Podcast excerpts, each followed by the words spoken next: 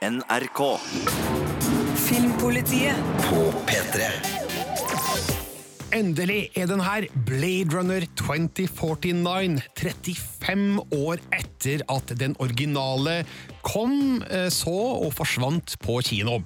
For eh, den første filmen ble ingen umiddelbar suksess, men har brukt tiårene i etterkant til å bli en av filmhistoriens eh, største klassikere i sin sjanger og vi snakker science fiction. Vi elsker Blade Runner, ikke sant, Sigurd og Marte? Ja, vi elsker Blade Runner. Vi, vi elsker universet. Eh, vi elsker historien. Eh, og så er det så spennende å se tilbake nå på hvor mye den har inspirert eh, annen science fiction fremover. Og Det er derfor vi skal lage nå en real liten podkast dedikert til Blade Runner, hvor vi skal snakke om den gamle filmen, om den nye filmen, og så har vi intervjuer, for Birger, du har jo møtt rams Ramse opp for meg. Ja, skuespillerne Harrison Ford, Ryan Gosling, Sylvia Hawks og Anna de Armas, og ikke minst regissøren av Blade Runner 2049, Denis Villeneuve.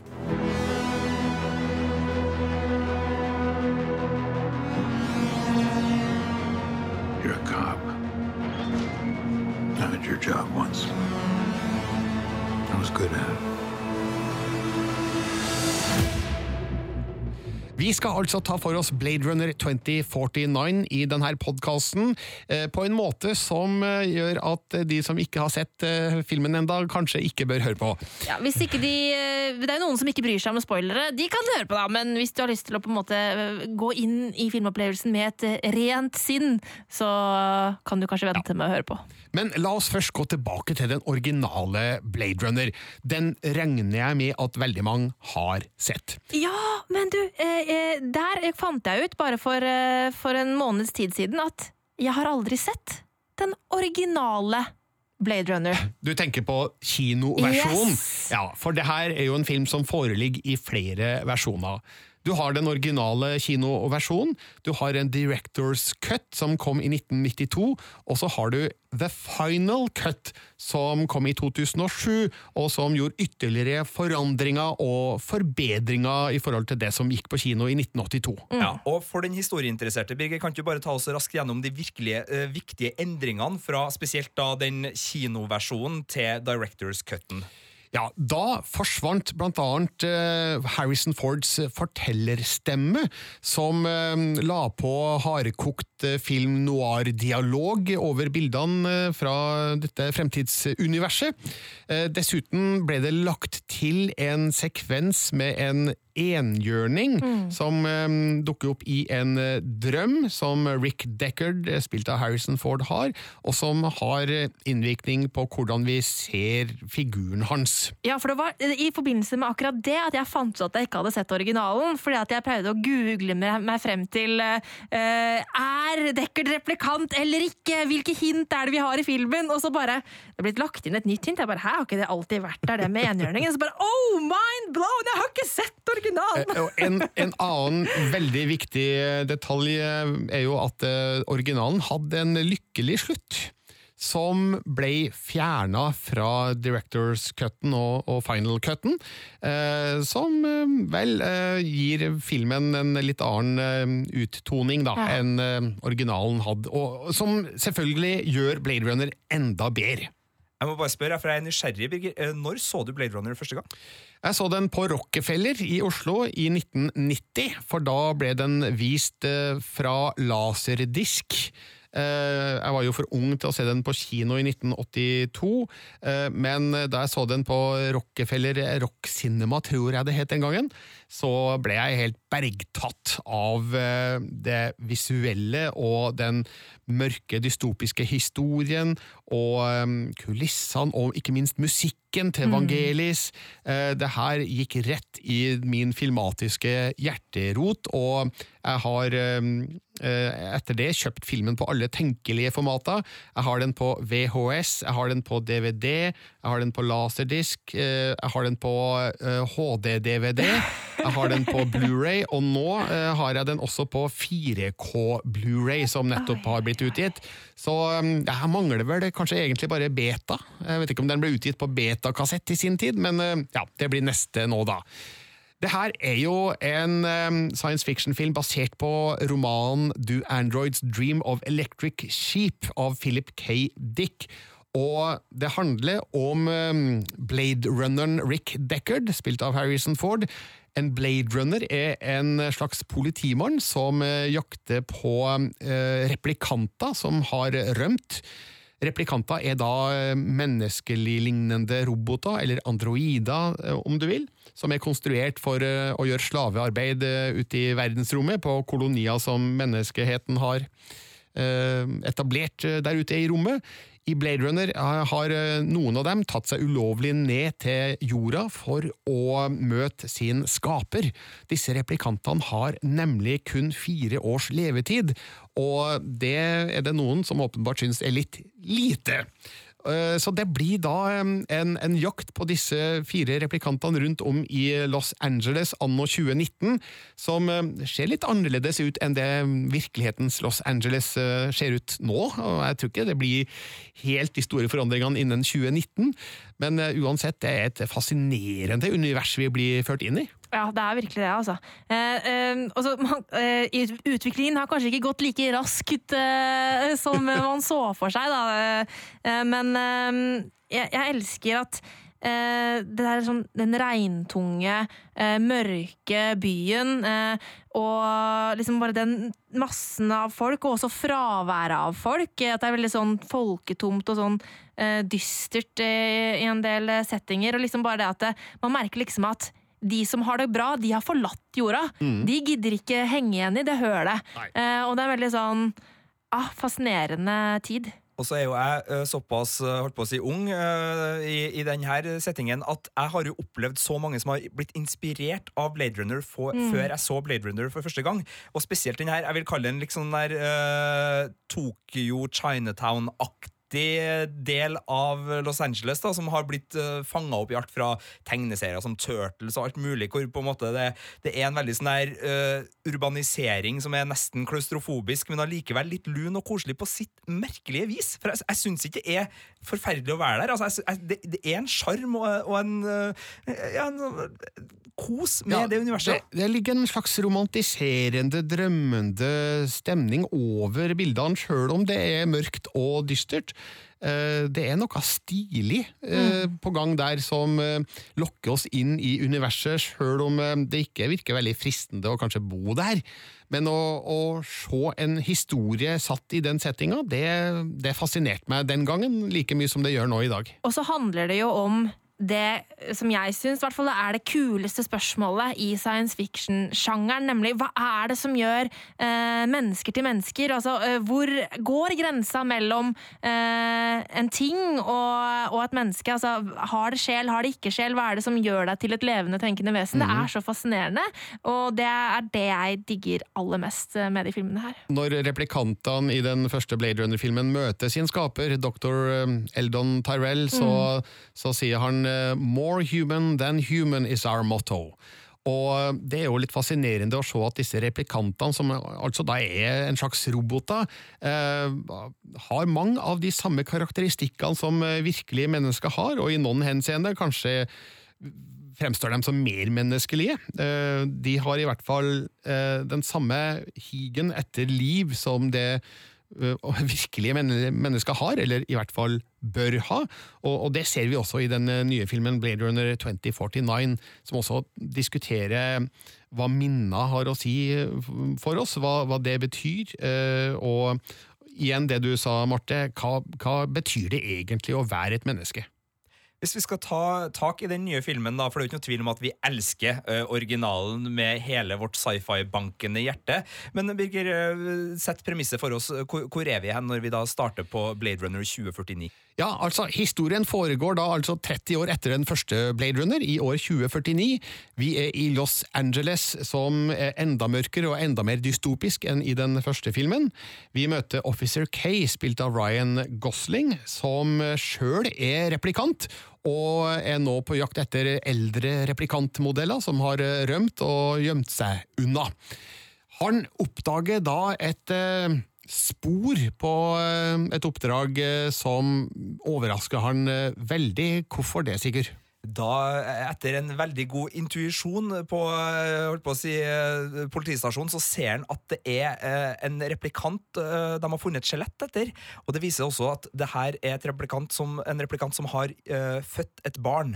Så det store her er da at replikanter kan reprodusere seg og føde, og da er jo det noe som vil ryste denne verden i forhold til hvordan man ser, som vi var inne på tidligere, hva er en replikant versus hva er et menneske, og, og hele den moralfilosofiske biten av filmen kommer jo virkelig i spenn her. Og for å få svar på disse spørsmåla som eh, vekkes når eh, de har funnet dette skjelettet, så legger han ut på leiting etter Rick Deckard, spilt av Harrison Ford, som på det her tidspunktet har vært eh, forsvunnet, rett og slett, i 30 år. Det er ting som tyder på at eh, han kan gi svar på eh, hva som egentlig skjedde med dette barnet, som eh, Maren Ane har blitt født av denne kvinnen, som nå eh, er død og kun et skjelett, tilbake fra. Mm. Og, og det er jo veldig interessant dette med at dette barnet nå endrer jo liksom hvordan man tenker på disse slavene, som de jo egentlig per definisjon er. Eh, Og Robin Wright spiller jo eh, sjefen til eh, Kay, eh, politi... eh, Lieutenanten, ja, Madam som hun kalles, eh, og eh, hun beordrer jo at dette barnet bare må fjernes fra jordens overflate, for det kan ikke komme ut at to replikanter har født et barn, fordi da, da mister man jo liksom hele grunnlaget for måten de har bygd opp samfunnet sitt på. Ja, og Hun er jo konkret da redd for en krig mellom replikanter og mennesker, som eh, vi kan også anta at hun antar at mennesker kan finne på å tape, fordi replikantene har jo noen kvaliteter. Det er et veldig smart eh, setup, vil jeg si. Jeg har, har jo vært veldig spent på hva Blade Runner 2049 egentlig skulle handle om, for det har de lagt et eh, svært lokk på eh, forut for premieren.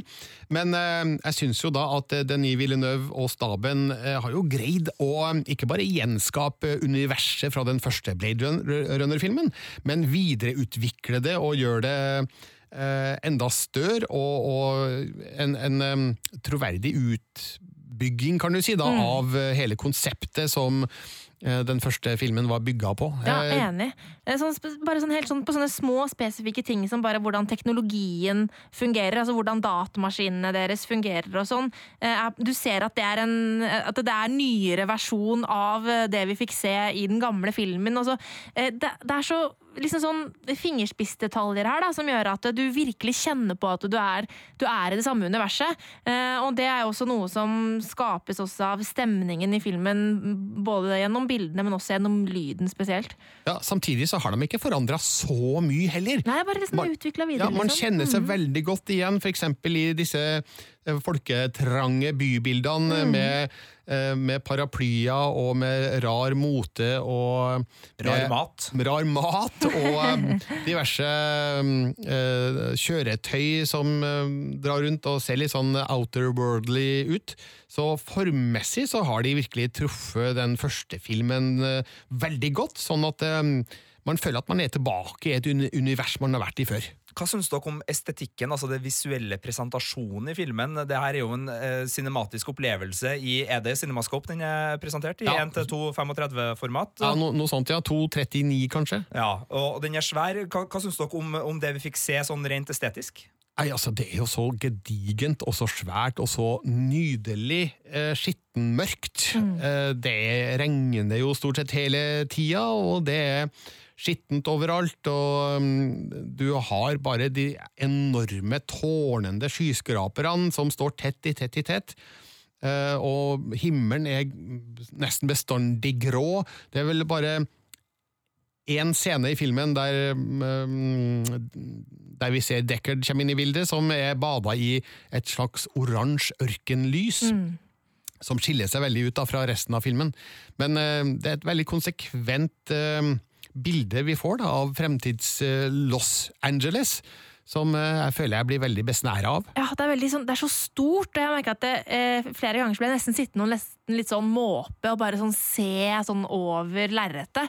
Eh, for det, det var så massivt og så, så svært, eh, og disse store liksom bildene Nei, jeg ble helt sånn ja, det er veldig- Arkitekturen, Ja. tenker jeg. Eh, Alt fra solcellepanel til svære bygninger til noen vannsluser. Ja, altså, og den det er derre mye diken som liksom omslutter Los Angeles. eh, Og bare det med at eh, eh, vi flyr sørover til bydelen San Diego eh, i Los Angeles, så skjønner vi liksom hvor stor denne byen har blitt. Ja. Uh, ja, jeg blir så revet med. De, de har tydeligvis penger til å bygge nytt da, i fremtids Los Angeles. Det har det vært. Og det er vel Las Vegas vi også befinner oss i, i en sekvens videre ut i filmen hvor Deckard har eh, skjult seg. Og der er jo både arkitekturen med, med statuer og, og voldsomme bygninger også lekkert, kombinert med et Las Vegas vi kjenner igjen med Elvis på uh, sånn hologramvibb og, og dansesaler og barer. Altså, sånn, veldig sånn fin blanding av vår verden og en fremtidsverden, og da dystopien hvor alt har eh, gått til helvete. Ja,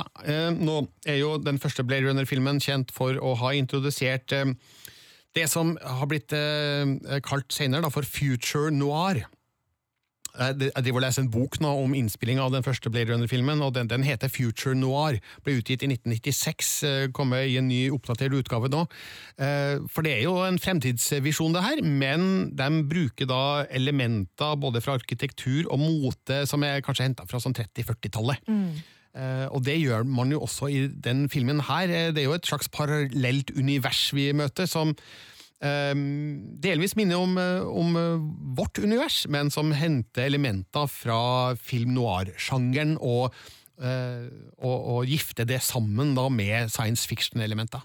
Jeg synes jo også, for Vi har snakka mye om filmen og det tematiske, sånn, men det er også en drivende god detektivhistorie i bunnen her, som gjør at det aldri blir kjedelig på noe som helst vis. Og den har jo litt sånn noir-tendenser, med også litt sånn fem fatale-elementer inni seg. Og det er jo veldig mye av 40-tallets krimfilm nesten også i den. Og det er litt sånn, Jeg skal ikke si at det er Philip Marlowe uh, eh, vi går i her, men det, men det er en godt komponert og gjennomgående god etterforskningshistorie, hvor Ryan Gosling sin figur nå er vår litt sånn eh, stille, lavmælte, men allikevel handlekraftige helt. da. Ja, og i anmeldelsen min så poengterer jeg at eh, selv om det her er en stor sci-fi-historie, så føles det nå på samme tid ganske nær og personlig.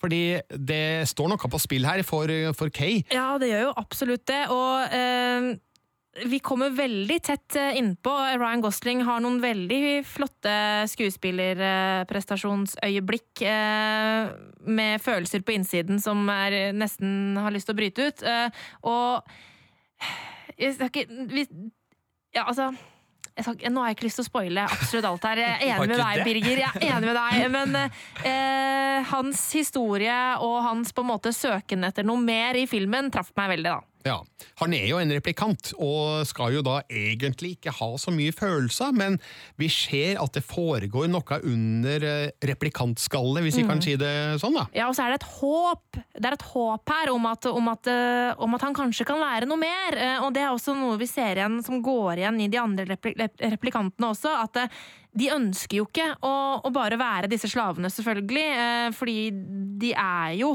mer enn bare datamaskiner. Ja, jeg vet ikke om det er noe poeng å ikke spoile her, men jeg kan være med på den. Men da vil jeg bare si at filmen er utrolig smart uh, laga i forhold til å holde på plotthemmeligheter og vri på plotthemmelighetene. Ja. Sånn at vi, vi kjøper det underveis, vi blir engasjert. Noen vil sikkert sitte og høre på noe og si sånn Nei, jeg skjønte med en gang. jeg skjønte med en gang Jeg og du, Marte, snakka om det. Vi skjønte ikke med en gang. Jeg vet ikke om du skjønte med en gang, Birger? Eh, hva sikter du til da? Eh, den store Tvisten. tvisten på slutten i forhold til hvem som er hvem eh, oppi alt her. Nei, altså, det var en av teoriene som spant i hodet mitt, Ja. ja. Men likevel, ja, nei, jeg syns at filmen greide å overraske og engasjere også i siste akt, der andre filmer kanskje mister litt uh, framdrift og interesse, men Blade Runner 2049 syns jeg holdt uh, hele veien inn, altså. Eh, Spesielt når vi da eh, etter en god stund får stift bekjentskap med Rick Deckard igjen, og får et gjensyn med han. For øvrig en utrolig bra, eh, godt sammensatt scene. Det er jo rett og slett rørende å se en, en, en gammel filmklassiker komme tilbake og eie skjermen, eie lerretet, sånn som Harrison Ford gjør her igjen, når han spiller Deckard igjen for første gang på 35 år. Og fansen har jo lurt i 35 år på hva skjedde egentlig med Deckard.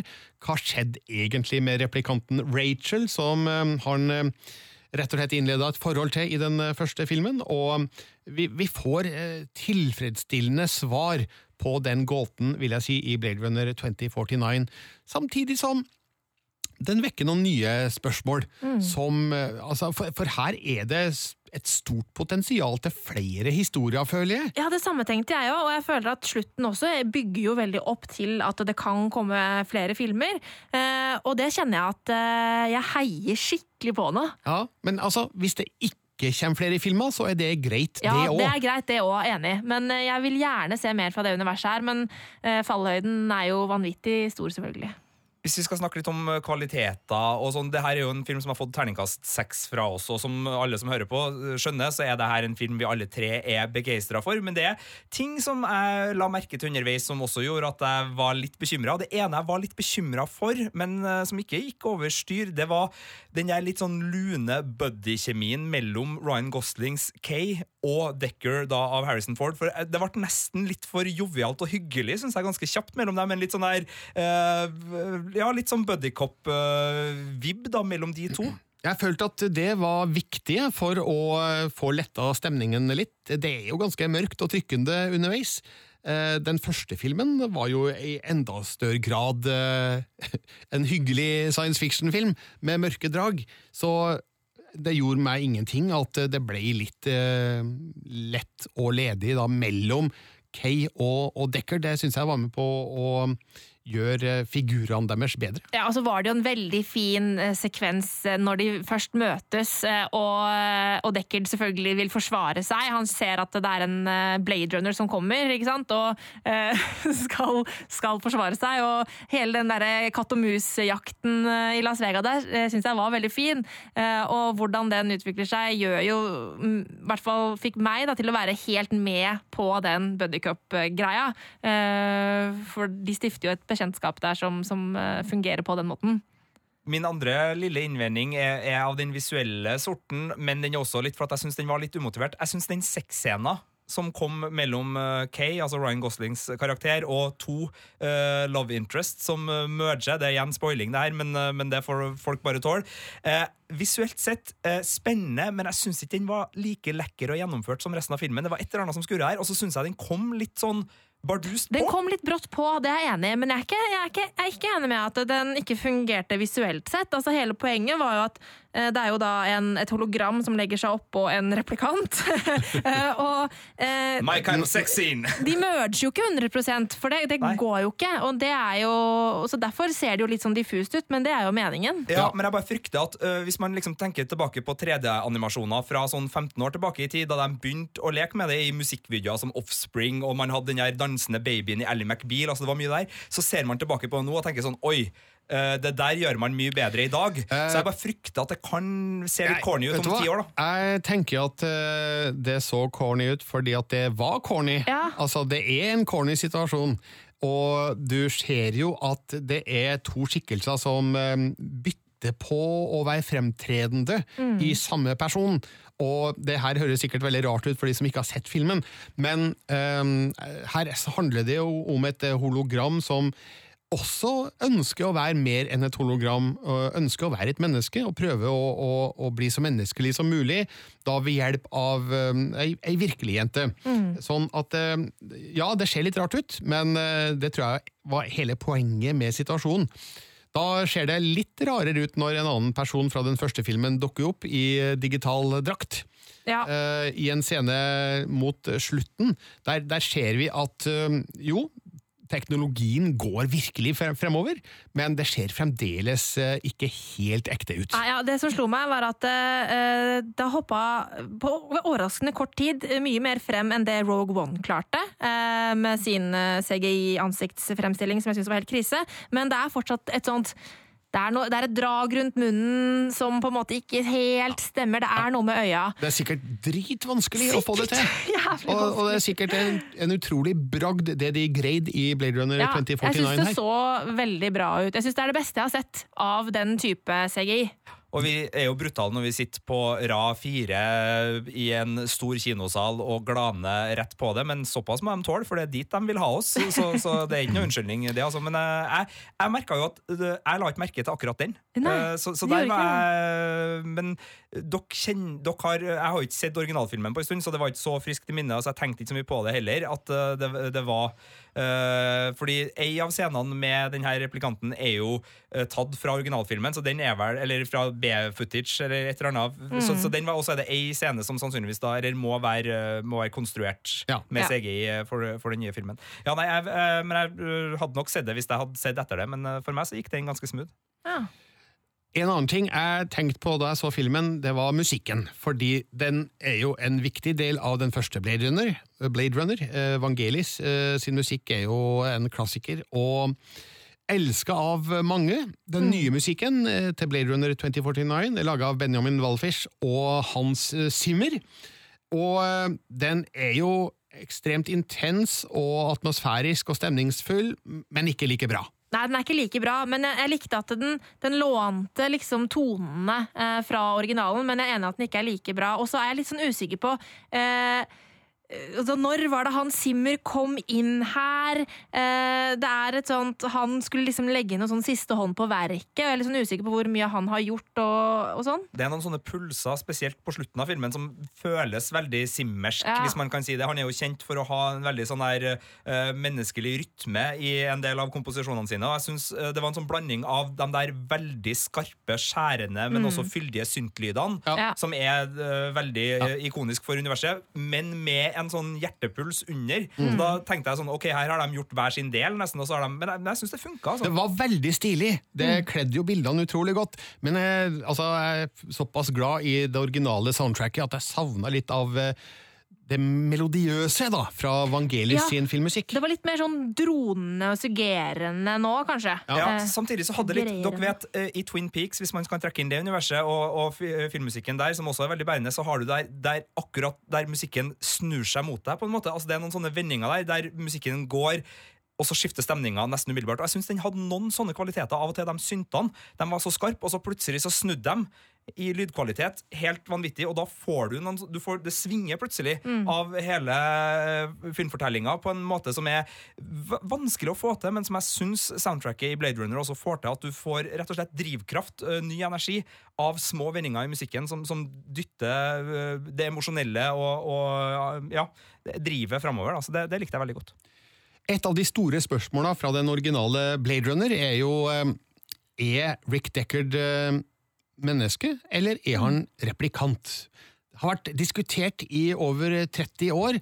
Diskusjonen skjøt fart eh, med The Final Cut, som kom i 2007, der det er da lagt inn flere tegn på at uh, kanskje han er replikant. Ja, hovedtegnet er da enhjørningdrømmen, pluss at uh, filmen slutter med at han får en eh, sånn origami-enhjørning fra en eh, kollega, eller eh, Ja. fellow replicant, er ikke det som er, hvis jeg husker riktig? En, eh, en politioffiser, ja. Gap. Ja, ja.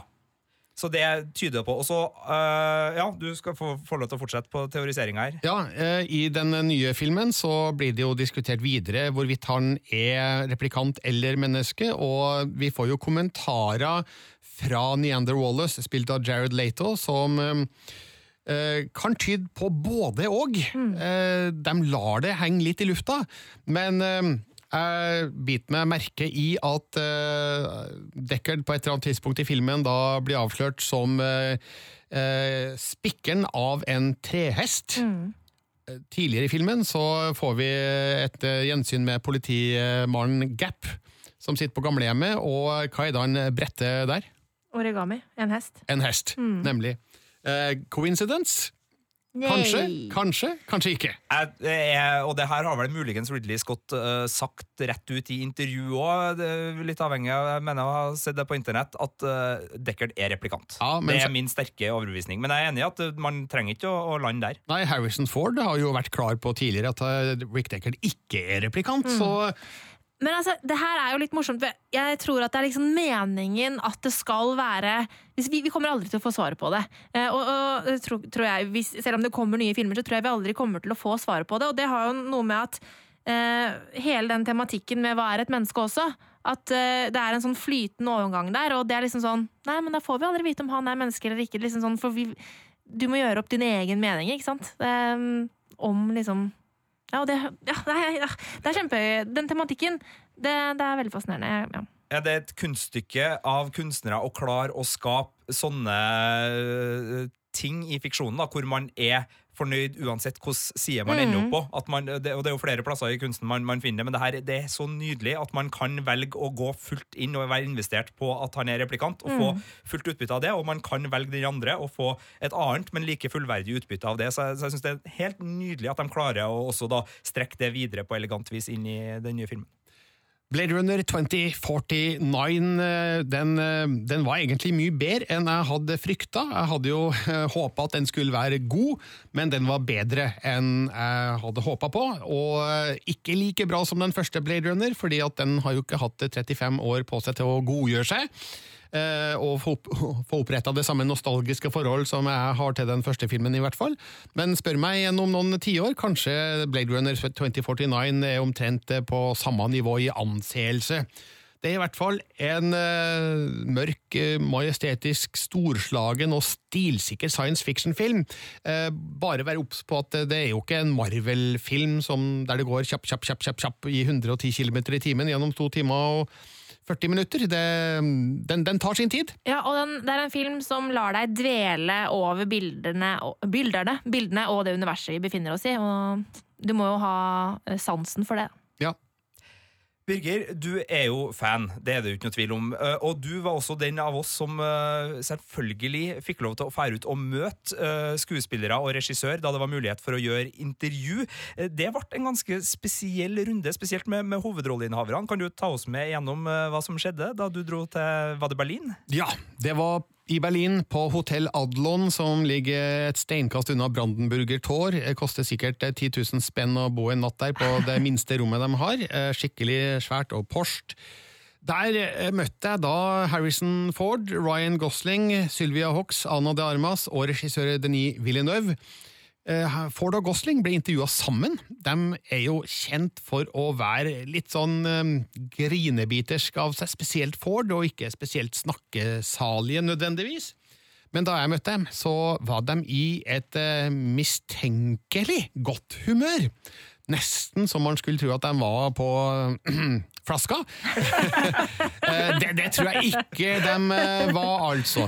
Men eh, jeg hadde fem minutter til rådighet, og det er veldig kort tid når man har veldig mange spørsmål. Jeg hadde selvfølgelig lina opp massevis av seriøse Blade Runner-spørsmål, som den store fan jeg er. Men da vi gikk i gang, så viste det seg at det skulle ikke bli så enkelt å få svar på alle de spørsmåla.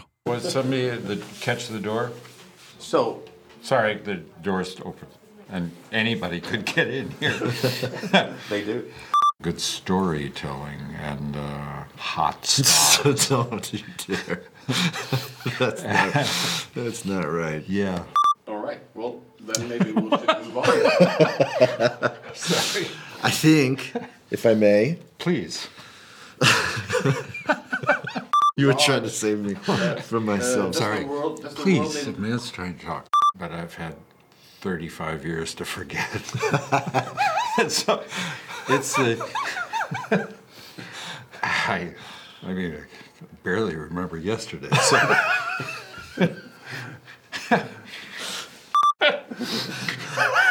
This is a new bunch of monkeys. All right. Please. A new I'm bunch trying of to work monkeys. here. I'm sorry. You crossed the line, man. so I draw the line. All right. I'll have to ask another question before I'm the so time sorry. is up. I'm really sorry. Can we give you an extension? Hopefully. Let's be fair. It's about time. And it's uh, best done in the company of uh, A new bunch of monkeys.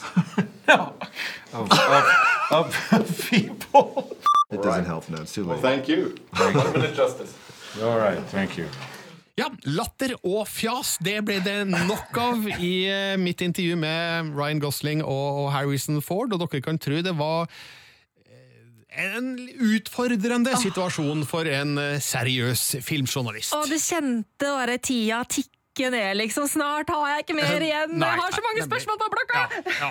jeg, jeg, jeg synes jo jeg, bare, jeg har gjort noen intervjuer sjøl, men jeg har aldri opplevd det der. Og jeg, jeg bare, du, er jo, du er jo journalist her, først og fremst, og det, det er jo ikke noe problem, men du er jo også veldig glad i Harrison Ford, og spesielt da, og, og Ryan Gosling. Hvordan var det å sitte der? Nei, det var, jo, det var jo veldig hyggelig å møte dem, selvfølgelig. Spesielt Harrison Ford, som man jo har hatt et forhold til siden man var liten, med Han Solo og Indiana Jones i bakhodet. Eh, Så det var jo morsomt. Eh, Ikke fullt så morsomt der og da å kjenne at intervjuet var i ferd med å gå rett i dass. For eh, tida gikk, og klokka tikka, og jeg skjønte at eh, her går det bort mye tid. Men eh, jeg fikk da faktisk et minutt forlengelse av Gjorde intervjuet. det? Jeg gjorde det. De ga meg seks minutter i stedet for fem, så det blei tid til noen spørsmål som jeg faktisk fikk svar på. Blant annet så spurte jeg Harrison Ford om eh, fremtidsvisjonen i Blade Runner 2049, som jo er veldig mørk og dystopisk. Eh, Og jeg spurte er vi rett og slett screwed? Yes, we're screwed, but we're but but there but there there is potential. There's some of the potential that existed even then and was predicted and has become part of the details of our life, or the reality of our life, and some of it equips us for opportunities to confront the issues, and some of it is um, not so pretty. We're in the at the point where we we need to attend to the world. The Blade Runner world is so cool, but I wouldn't want to live there. What is it about it that draws us in?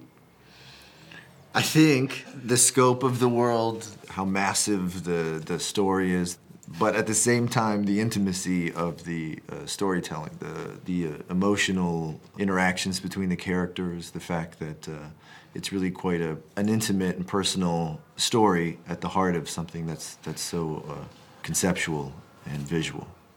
Det sa Ryan Gosling, og jeg må jo si meg helt enig i hans syn på hvorfor vi blir dratt inn i eh, dette universet.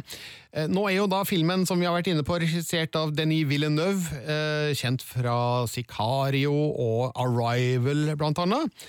Og jeg spurte hvorfor han var riktig regissør for Blade Runner 2049.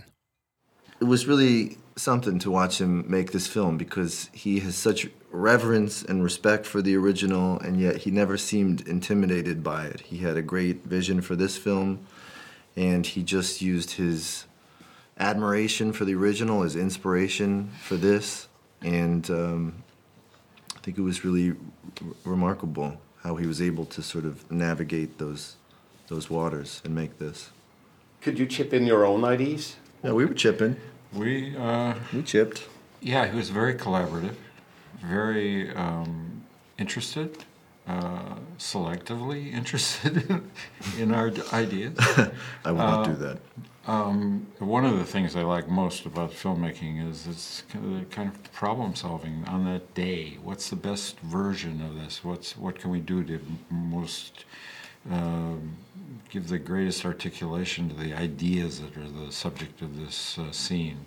How do we justify our existence here on this set? And uh, and it's it's it's hard, complicated work, and it's uh, best done in the company of A new uh, bunch of monkeys.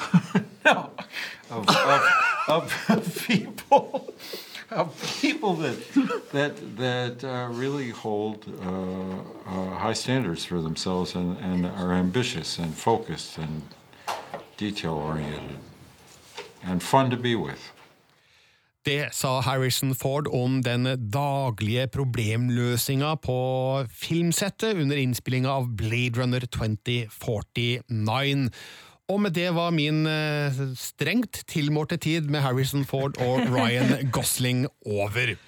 Men jeg fikk altså møtt flere. Eh, Denis Villeneuve er jo altså da regissøren av eh, filmen. En canadier som er i ferd med å få større og større respekt for. Jeg vet ikke hva dere syns, Marte og Sigurd? Jo, jeg, jeg har kjempesansen for han. Eh, Sicario likte jeg veldig veldig godt. Mm. Og også eh, Arrival er en av de bedre science fiction-filmene jeg har sett i, i nyere tid.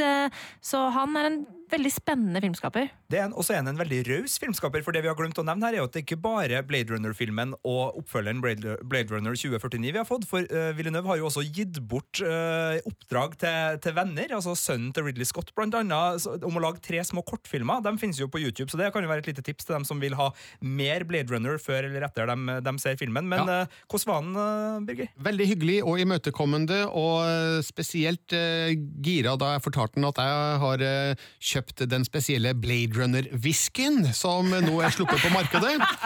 Ja, det har du selvfølgelig! Har du begynt å drukke den? Jeg, nei, som jeg sa til Villeneuve, jeg, jeg, har kjøpt den, men jeg vet ikke om jeg tør å åpne den. Nei, for altså, hvis du uh, skulle åpne den, så kunne du jo på en måte tatt uh, en liten slurk av den whiskyen, og så kunne du tent den lille sigarstumpen du har igjen fra Ridley Scott, som du en gang stjal! Nå, er vi, nå er vi inne på noe som podkastlytterne kanskje ikke vet, men jeg intervjua Ridley Scott i 2002 i forbindelse med Black Hawk Down. Eh, Etter at Ridley Scott forlot rommet etter en veldig hyggelig prat, så um, tok jeg Ridley Scotts sigarstump eh, som lå igjen i askebegeret ved siden av der han hadde sittet, og, putta den i lomma, tok den med meg hjem. Eh, Jeg har den nå i en skuffe hjemme i en sånn plastpose. Yes! Så Din eh, nerd. det, det, det, er, det, er- det er så nerdete at det er jo nesten litt flaut, men eh, det er en god historie. Det er en kjempegod historie. jeg fortalte ikke det til Denis Villeneuve, da, men, eh, men Visken Whisken fortalte jeg om. Eh, Den er jo da eh, spesiallaga for eh, filmen, og du ser den jo eh, godt plassert i eh, en sekvens eh, i Blade Runner 2049, med en ganske spesiell utforming av eh, flaska, så veldig kult. Selv om vi, vi kan ikke reklamere for whisky på eh, lufta her, men eh, Eh, I hvert fall, Det gjorde vel sitt til at eh, intervjuet som fulgt eh, ble eh, veldig ålreit. Eh, han var i et um, langt mer seriøst uh, humør enn uh, Harrison Ford og, og Ryan eh, Gosling var. In what way did the original Blade Runner inspire you as a filmmaker? It's a movie that I've seen uh, and, uh, at the specific moment in my life when I, I was starting the birth of the idea of uh, being a director. Was in those years, you know, I was starting to to be in contact with uh, that possibility that uh, I love storytelling a lot. I always love storytelling and the the the, the way to, to use movies to approach stories. It, uh, it was something that uh, it's so it's linked with the birth of my uh, uh, my desire of, of becoming a filmmaker, and and that my at the beginning where the fire of love for cinema started. You know, so it's like really a movie that I arrived at a specific moment where I was totally open, vulnerable, fresh, young teenager that was looking for great source of inspiration, fantastic uh, movies, and and I was a, a huge sci-fi fan at the time, reading a lot of novels and graphic novels, but no, not a lot of movies. Most of them were. Um, B movies or uh, there's not a lot of authors that are taking sci-fi seriously, uh, and it's sci-fi is a very powerful uh, genre, and and uh, when I saw Blade Runner uh, from thematic point of view, from a, a, a storytelling point of view, from an aesthetic point of view, uh, it really blew my mind. Yeah. You've said earlier that you needed uh, or wanted Ridley Scott's approval before uh, doing this. Uh, why? because I didn't want to feel like a vandal in a church. You know, I didn't want to. to I needed uh, if if I, I had to put paint on on the church, I wanted to have the the the, the owner of the place uh, the permission and the keys. You know, I, wa- I wanted to. Uh, uh, um, it was very important because I knew that it was at the birth of the project. I knew that he wanted to do the movie himself. It that it would not be possible because of his schedule, but still, I wanted to. Uh, uh, I wanted to make sure that uh, from him that it was okay. I don't know why. It was a condition I put right from the start. So, what was the main challenges in uh, continuing his visuality from the first film into your film. Yeah, that's the, that, that, that's the thing is that how to make someone else's dreams yours. The movies I've made before were all uh, I was the master of uh, the dreams. You know, I was the it was I was at the birth of the project. This time, I was thinking someone else's dream, old dream, and uh, it took a long time. Uh, I had to find uh, my way into the story from an intimate point of view. To. Uh, um, digest the story, digest the, the universe, and make it my own. It was not a, a quick process. Yeah. The first film foresaw a few things that have turned out to be right. Uh, do we get glimpses of a possible future in 2049? I think so. The thing is that the, the movie is like a, um, an extent. The, the first movie was like an extension, a projection of the night, the 80s into to the future and uh, but as you said, there's a difference between the, the Blade Runner, the original Blade Runner, and reality. There's things that if they foresaw, there, there's things that are like uh, were prophetic, but still there's a difference between the 2019 of Blade Runner and what will be our 2019. It's not the same. So I had to, for me, Blade Blade Runner 2049 is like a projection in the future of the first movie. So it's an alternate universe. It's it's a, it's a, it obey to different laws geopolitical, sociologic, uh, technological laws that are different from our reality. But that distance would really create a poetic, uh, that poetic distance be becomes an interesting way to comment on, on, our reality. So there's things in the movie that are, uh, I hope will speak about us, yeah, the way we live today. Det var mitt møte med Denis Villeneuve, som altså um, er regissør av Blade Runner 2049. Filmen har jo et par imponerende kvinneskikkelser også, spesielt uh, Love, spilt av uh, Sylvia Hox. Uh, hun har et ganske spesielt uttrykk i filmen, Marte.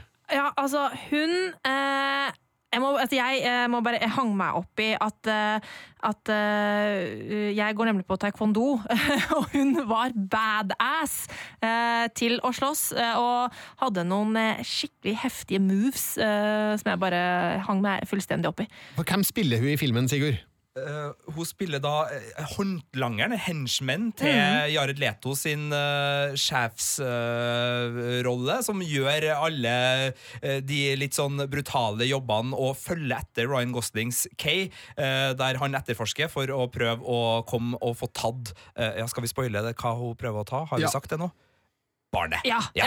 og jeg må bare si at jeg syns hun hadde en sånn herlig sånn eh, kombinasjon av eh, følelser eh, At hun ja, du så at hun hadde følelser, samtidig som hun var så beinhard og veldig, veldig kald. Nesten litt sånn Terminator-aktig til ja, tider. En iskald eh, replikant, rett og slett, med et eh, begrensa følelsesregister. Eh, vi ser jo i filmen at hun kan bli veldig sint, da, ja. så spennvidden er jo til stede. Hun er jo storstjerne hjemme i Nederland. Det er første gang jeg har sett hun på film, men ser jo ikke bort ifra at hun kan få flere roller, for å si det sånn, for hun gjør en kjempebra innsats i Blade Runner 2049, og her er mitt møte med hun i Berlin. Your character's name is Love, which is kind of a contradiction because she seems rather cold. Uh, I mean, in the film, we see her directing a missile attack while getting her nails done. Um, uh, how did you approach playing this character? Yeah, I was kind of afraid everybody would hate me. Just kidding. Um, uh, how did I approach the character? Um, I did a lot of research I think preparation for me is one of the most important things before entering a set. Because you just put it in your backpack and you can take it out if you need it. And it's one of the most wonderful things as an actor I think you can have. I love preparing for a movie. So I saw a lot of documentaries, documentaries uh, about people with bonding issues, um, controlling issues, uh, fear. Um, I saw sci- science fiction movies. I saw older movies. It, def- it depended on what I kind of needed, uh, what I was looking for.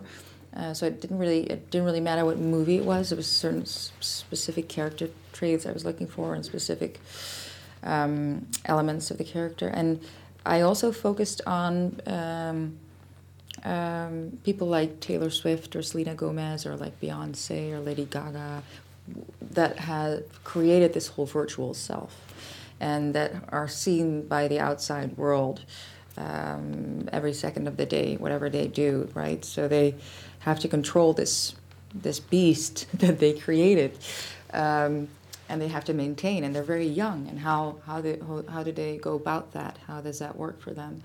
Um, and I thought that was a very interesting um, theme, and a, a very interesting thing to, that I needed for my character. And uh, so I, I, I watched a lot of their work and, and their online life. Uh, the look of her is very Blade Runner esque, if you will. Uh, it reminded me kind of of Rachel from the original film, played by Sean Young. Uh, did you go there for inspiration? Of course, I saw the original uh, for inspiration. Um, I remember seeing it before I was I, I auditioned, and and I, I, saw it again before before I went to set and started the whole film. Uh, it has it has such a special eeriness and language to it that I think that stays with you. You know, no matter how long ago you've seen the movie, you still remember the feeling it gave you. Um, and that for me was a very special feeling that I can't really put into words. But I remember coming on set and immediately have that feeling again. Uh, and it's something to do with the Blade Runner language that they really got in this one as well. I think the sets uh, that we walked onto were so beautiful and so otherworldly that you would be overwhelmed and you would understand, you know, where the scenes were headed and what the language was. And that was very important, I think, as a science fiction film, as an actor in a science fiction film, to understand the world that you're actually born in. It is a very dark and bleak world. Uh, why do we love being transported to a place like this? Because of the possibility. I think one thing that you can say about mankind is they always want more. And I think, you know, that, that can be our Untergang, I think, you know, that could be the end of us, but we still always try to have more. And the possibility that lies within that futuristic idea um, is so big and so, you know, heart pounding, I think, you know. Um, it's so interesting that, you know, it could be our end, but we still want, we still search for it. So, which elements in Blade Runner 2049 do you think is a glimpse into a possible future? Which elements? Yes. Hmm, I think a lot of them. I think, you know, we're surrounded by computers. You have your iPhone, you drive your computer, you have a television in maybe every room of your house. I don't know how that, I don't know. Um, it depends on the person. But I think um, we're already surrounded by computers that take over our life. Um, so we're not very far from that futuristic um, idea, um, which is kind of scary. But we haven't got any flying cars yet. No, but we will probably. I mean, I was already in a car that could park itself, which is really strange, and um, I didn't dare to push that button because I thought, what if it hit another car? so I was kind of like, no. And then my friend did it, and I was in the car, and it parked itself, and it did it perfectly. And I was just amazed. I was like, oh God, they don't need me to drive this thing, which is, you know, it's insane. And at the same time, scary because if you create create something like that, you can create a monster, you know. Det var mitt intervju med Sylvia Hox, som spiller replikanten Love i Blade Runner 2049. Det siste intervjuet fra Blade Runner 2049 er med cubanske Ana de Armas, og hun har en litt spesiell rolle, Sigurd? Det har hun. Hun spiller et slags eh, hologram eh, med følelser, eh, som kan ta litt ulike former etter my, hvor mye penger Kay investerer i produkter han kan få fram på. I oppgraderingene. Ja, det er en datakjæreste, nesten, virker det som. Ja, det er en, et, en programvare for enslige menn i denne dystopiske fremtidsverdenen som ja. trenger noen å komme hjem til, rett og slett. Ja, det, det, slo meg da jeg så filmen for andre gang, at det fins ikke et sånt produkt for damer. Det, ja, det, det, det var ikke noe sånn eh, Det var dårlig med det. Nei, vi, for vi ser da svære reklamehologram ute i gatene for Joy, som er navnet til denne digitale figuren. Eh, Også litt rart at uh, hun heter det samme, at de ikke kan Ja. liksom Lage sitt eget navn, ja. Lage sitt eget navn, ja. Men eh, ok, det er en digresjon. Eh, Joy blir altså da spilt av kubanske Ana de Armas. Og eh, det som var litt spesielt da jeg møtte hun i Berlin, var at vi hadde jo ikke fått sett filmen på forhånd. Vi hadde bare fått sett noen få klipp, og mm, av de klippa gikk det ikke frem hvilken type figur Joy var. Derfor ante jeg ikke noe om figuren hennes før intervjuet, og måtte gjette litt underveis eh, hvilken funksjon Joy har, og det eh, setter et eh, preg på dette intervjuet med Ana de Armas. So Okay. the, the first film was released, I think, before you were born. When did you discover the world of Blade Runner? Um, long time ago. I think I was very young, and I um, I remember probably I was in Cuba and I was you know watching this crazy movie that was like very strange and visually. You know, new and music and everything. And I probably didn't understand a thing about it, but then uh, you know I went back to it once. I, you know, um, when I knew I was going to be a part of this con- the continuation of this film, I went back to it, and of course, it felt like a totally different experience. You you just connect with this world in a different way, you know, and it, you know, as fascinating as the first time I saw it. And you play Joy, I uh, do. a case companion, and she's artificial. Uh, how do you? Where did you get that from? No, I just assumed. uh, uh, how do you approach playing someone who's not really real? I am real. I am absolutely real, 100%. And, anyways, I would say, you know, what's, what's the difference at this point between, you know, um, replicants are humans? I, I would say there's none. They feel the same, they have the same hopes, same dreams, same feelings. They, you know, they probably show more empathy than humans sometimes.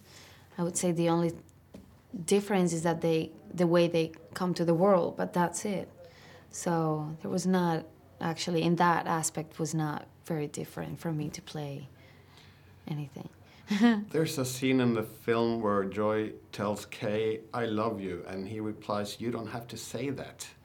Uh, what does that imply? he's very tormented he doesn't know what he's talking about i don't know why he says that he loves he loves me to say how much i love him that day he was confused i don't know Uh, the world of Blade Runner is dark and bleak and uh, not a very nice place to stay. But at the same time, we get drawn into that world visually. Why do you think that is? I think it's just it's very compelling for us. It feels close, right? It feels like we're um, we're just getting there. It's um, you know, the same way the first Blade Runner was kind of prophetic and it was projecting a future that it's not a future anymore. We're living in it. Um, you know, now this Blade Runner 2049 feels like again we're kind of um, seeing what we're heading towards to. So you think we see glimpses of a possible future in 2049? In some ways, maybe, yeah. Uh, the themes of the movie seems to be about what makes human human, uh, like the first uh, film. Do you have any thoughts of uh, uh, what defines a human being? Yeah, I mean, um, you know, I think it's um, it's about you know what we think. You know, showing empathy to someone and love, and and the willing of you know to be alive and to care about someone and sacrifice something for something. but it doesn't seem to be much empathy in the film, apart from Joy. Joy is maybe the most human character of them all. Um, no. Mm-mm. I mean, she is amazing. She's really she's joy. She's the joy of the movie. But there is a there is a lot of you know hope in this film. There is a lot of there are a few characters that really show that um, need of finding a purpose in life. It's a movie about identity, and they're looking for, you know, they they they're looking for something to connect to. Um, you know, they're looking for answers about life and the meaning of life.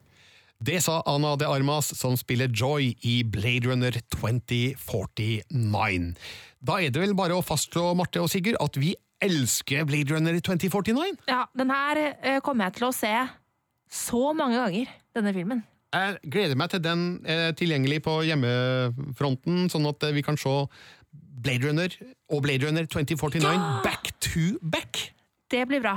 Blade Runner først, og så de tre kortfilmene du snakka om, Sigurd, som ligger på YouTube. Og så Blade, Blade Runner Ja. 2049. Det, det blir en hel kveld! En helaften med Blade Runner. Det gleder jeg meg til. Fabelaktig. Og så eh, vil jo tida vise om eh, kinopublikummet eh, lar seg lokke til kinoen av eh, filmen.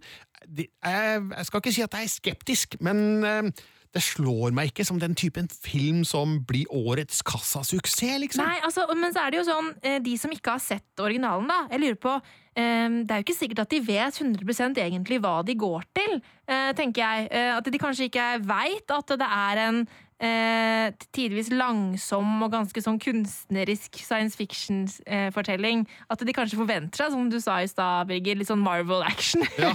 og da vil de jo få seg en overraskelse. Ja, for Hvis du ser trailerne til filmen, så der er det fullt kjør. Ja. Men det er det jo ikke i filmen, det skal vi jo være ærlige på. Men det er jo nydelig hvis folk kan få litt eh, Jeg jeg liker ordet kunstskade. Altså at man eh, får noe framfor seg som gjør inntrykk som du ikke hadde forventa, og som setter seg varig i hjernebarken. Så håper at så mange som mulig får med seg den her. Det er virkelig en filmopplevelse i ordets rette betydning. Eh, og så skal vi jo selvfølgelig se den igjen, og så må vi jo bare si takk til alle som gidda å høre på at vi skravla om filmen i sånn cirka halve Det er jo flaks, da, det er jo en veldig lang film, så vi har ikke skravla lenger om Blade Runner 2049 enn filmen faktisk er. Men vi har vel skravla en god stund nå. Det har vi gjort, og vi håper at eh, dem som har sett filmen, eh, har fått enda større innsikt i den, og de som ikke har sett filmen, eh, går og gjør det omtrent umiddelbart. Med det sier vi tusen takk for eh, følget, Marte! Sigurd? og Birger, tusen takk for at du lasta ned og lytta på. Du finner flere podkaster på p3.no podkast.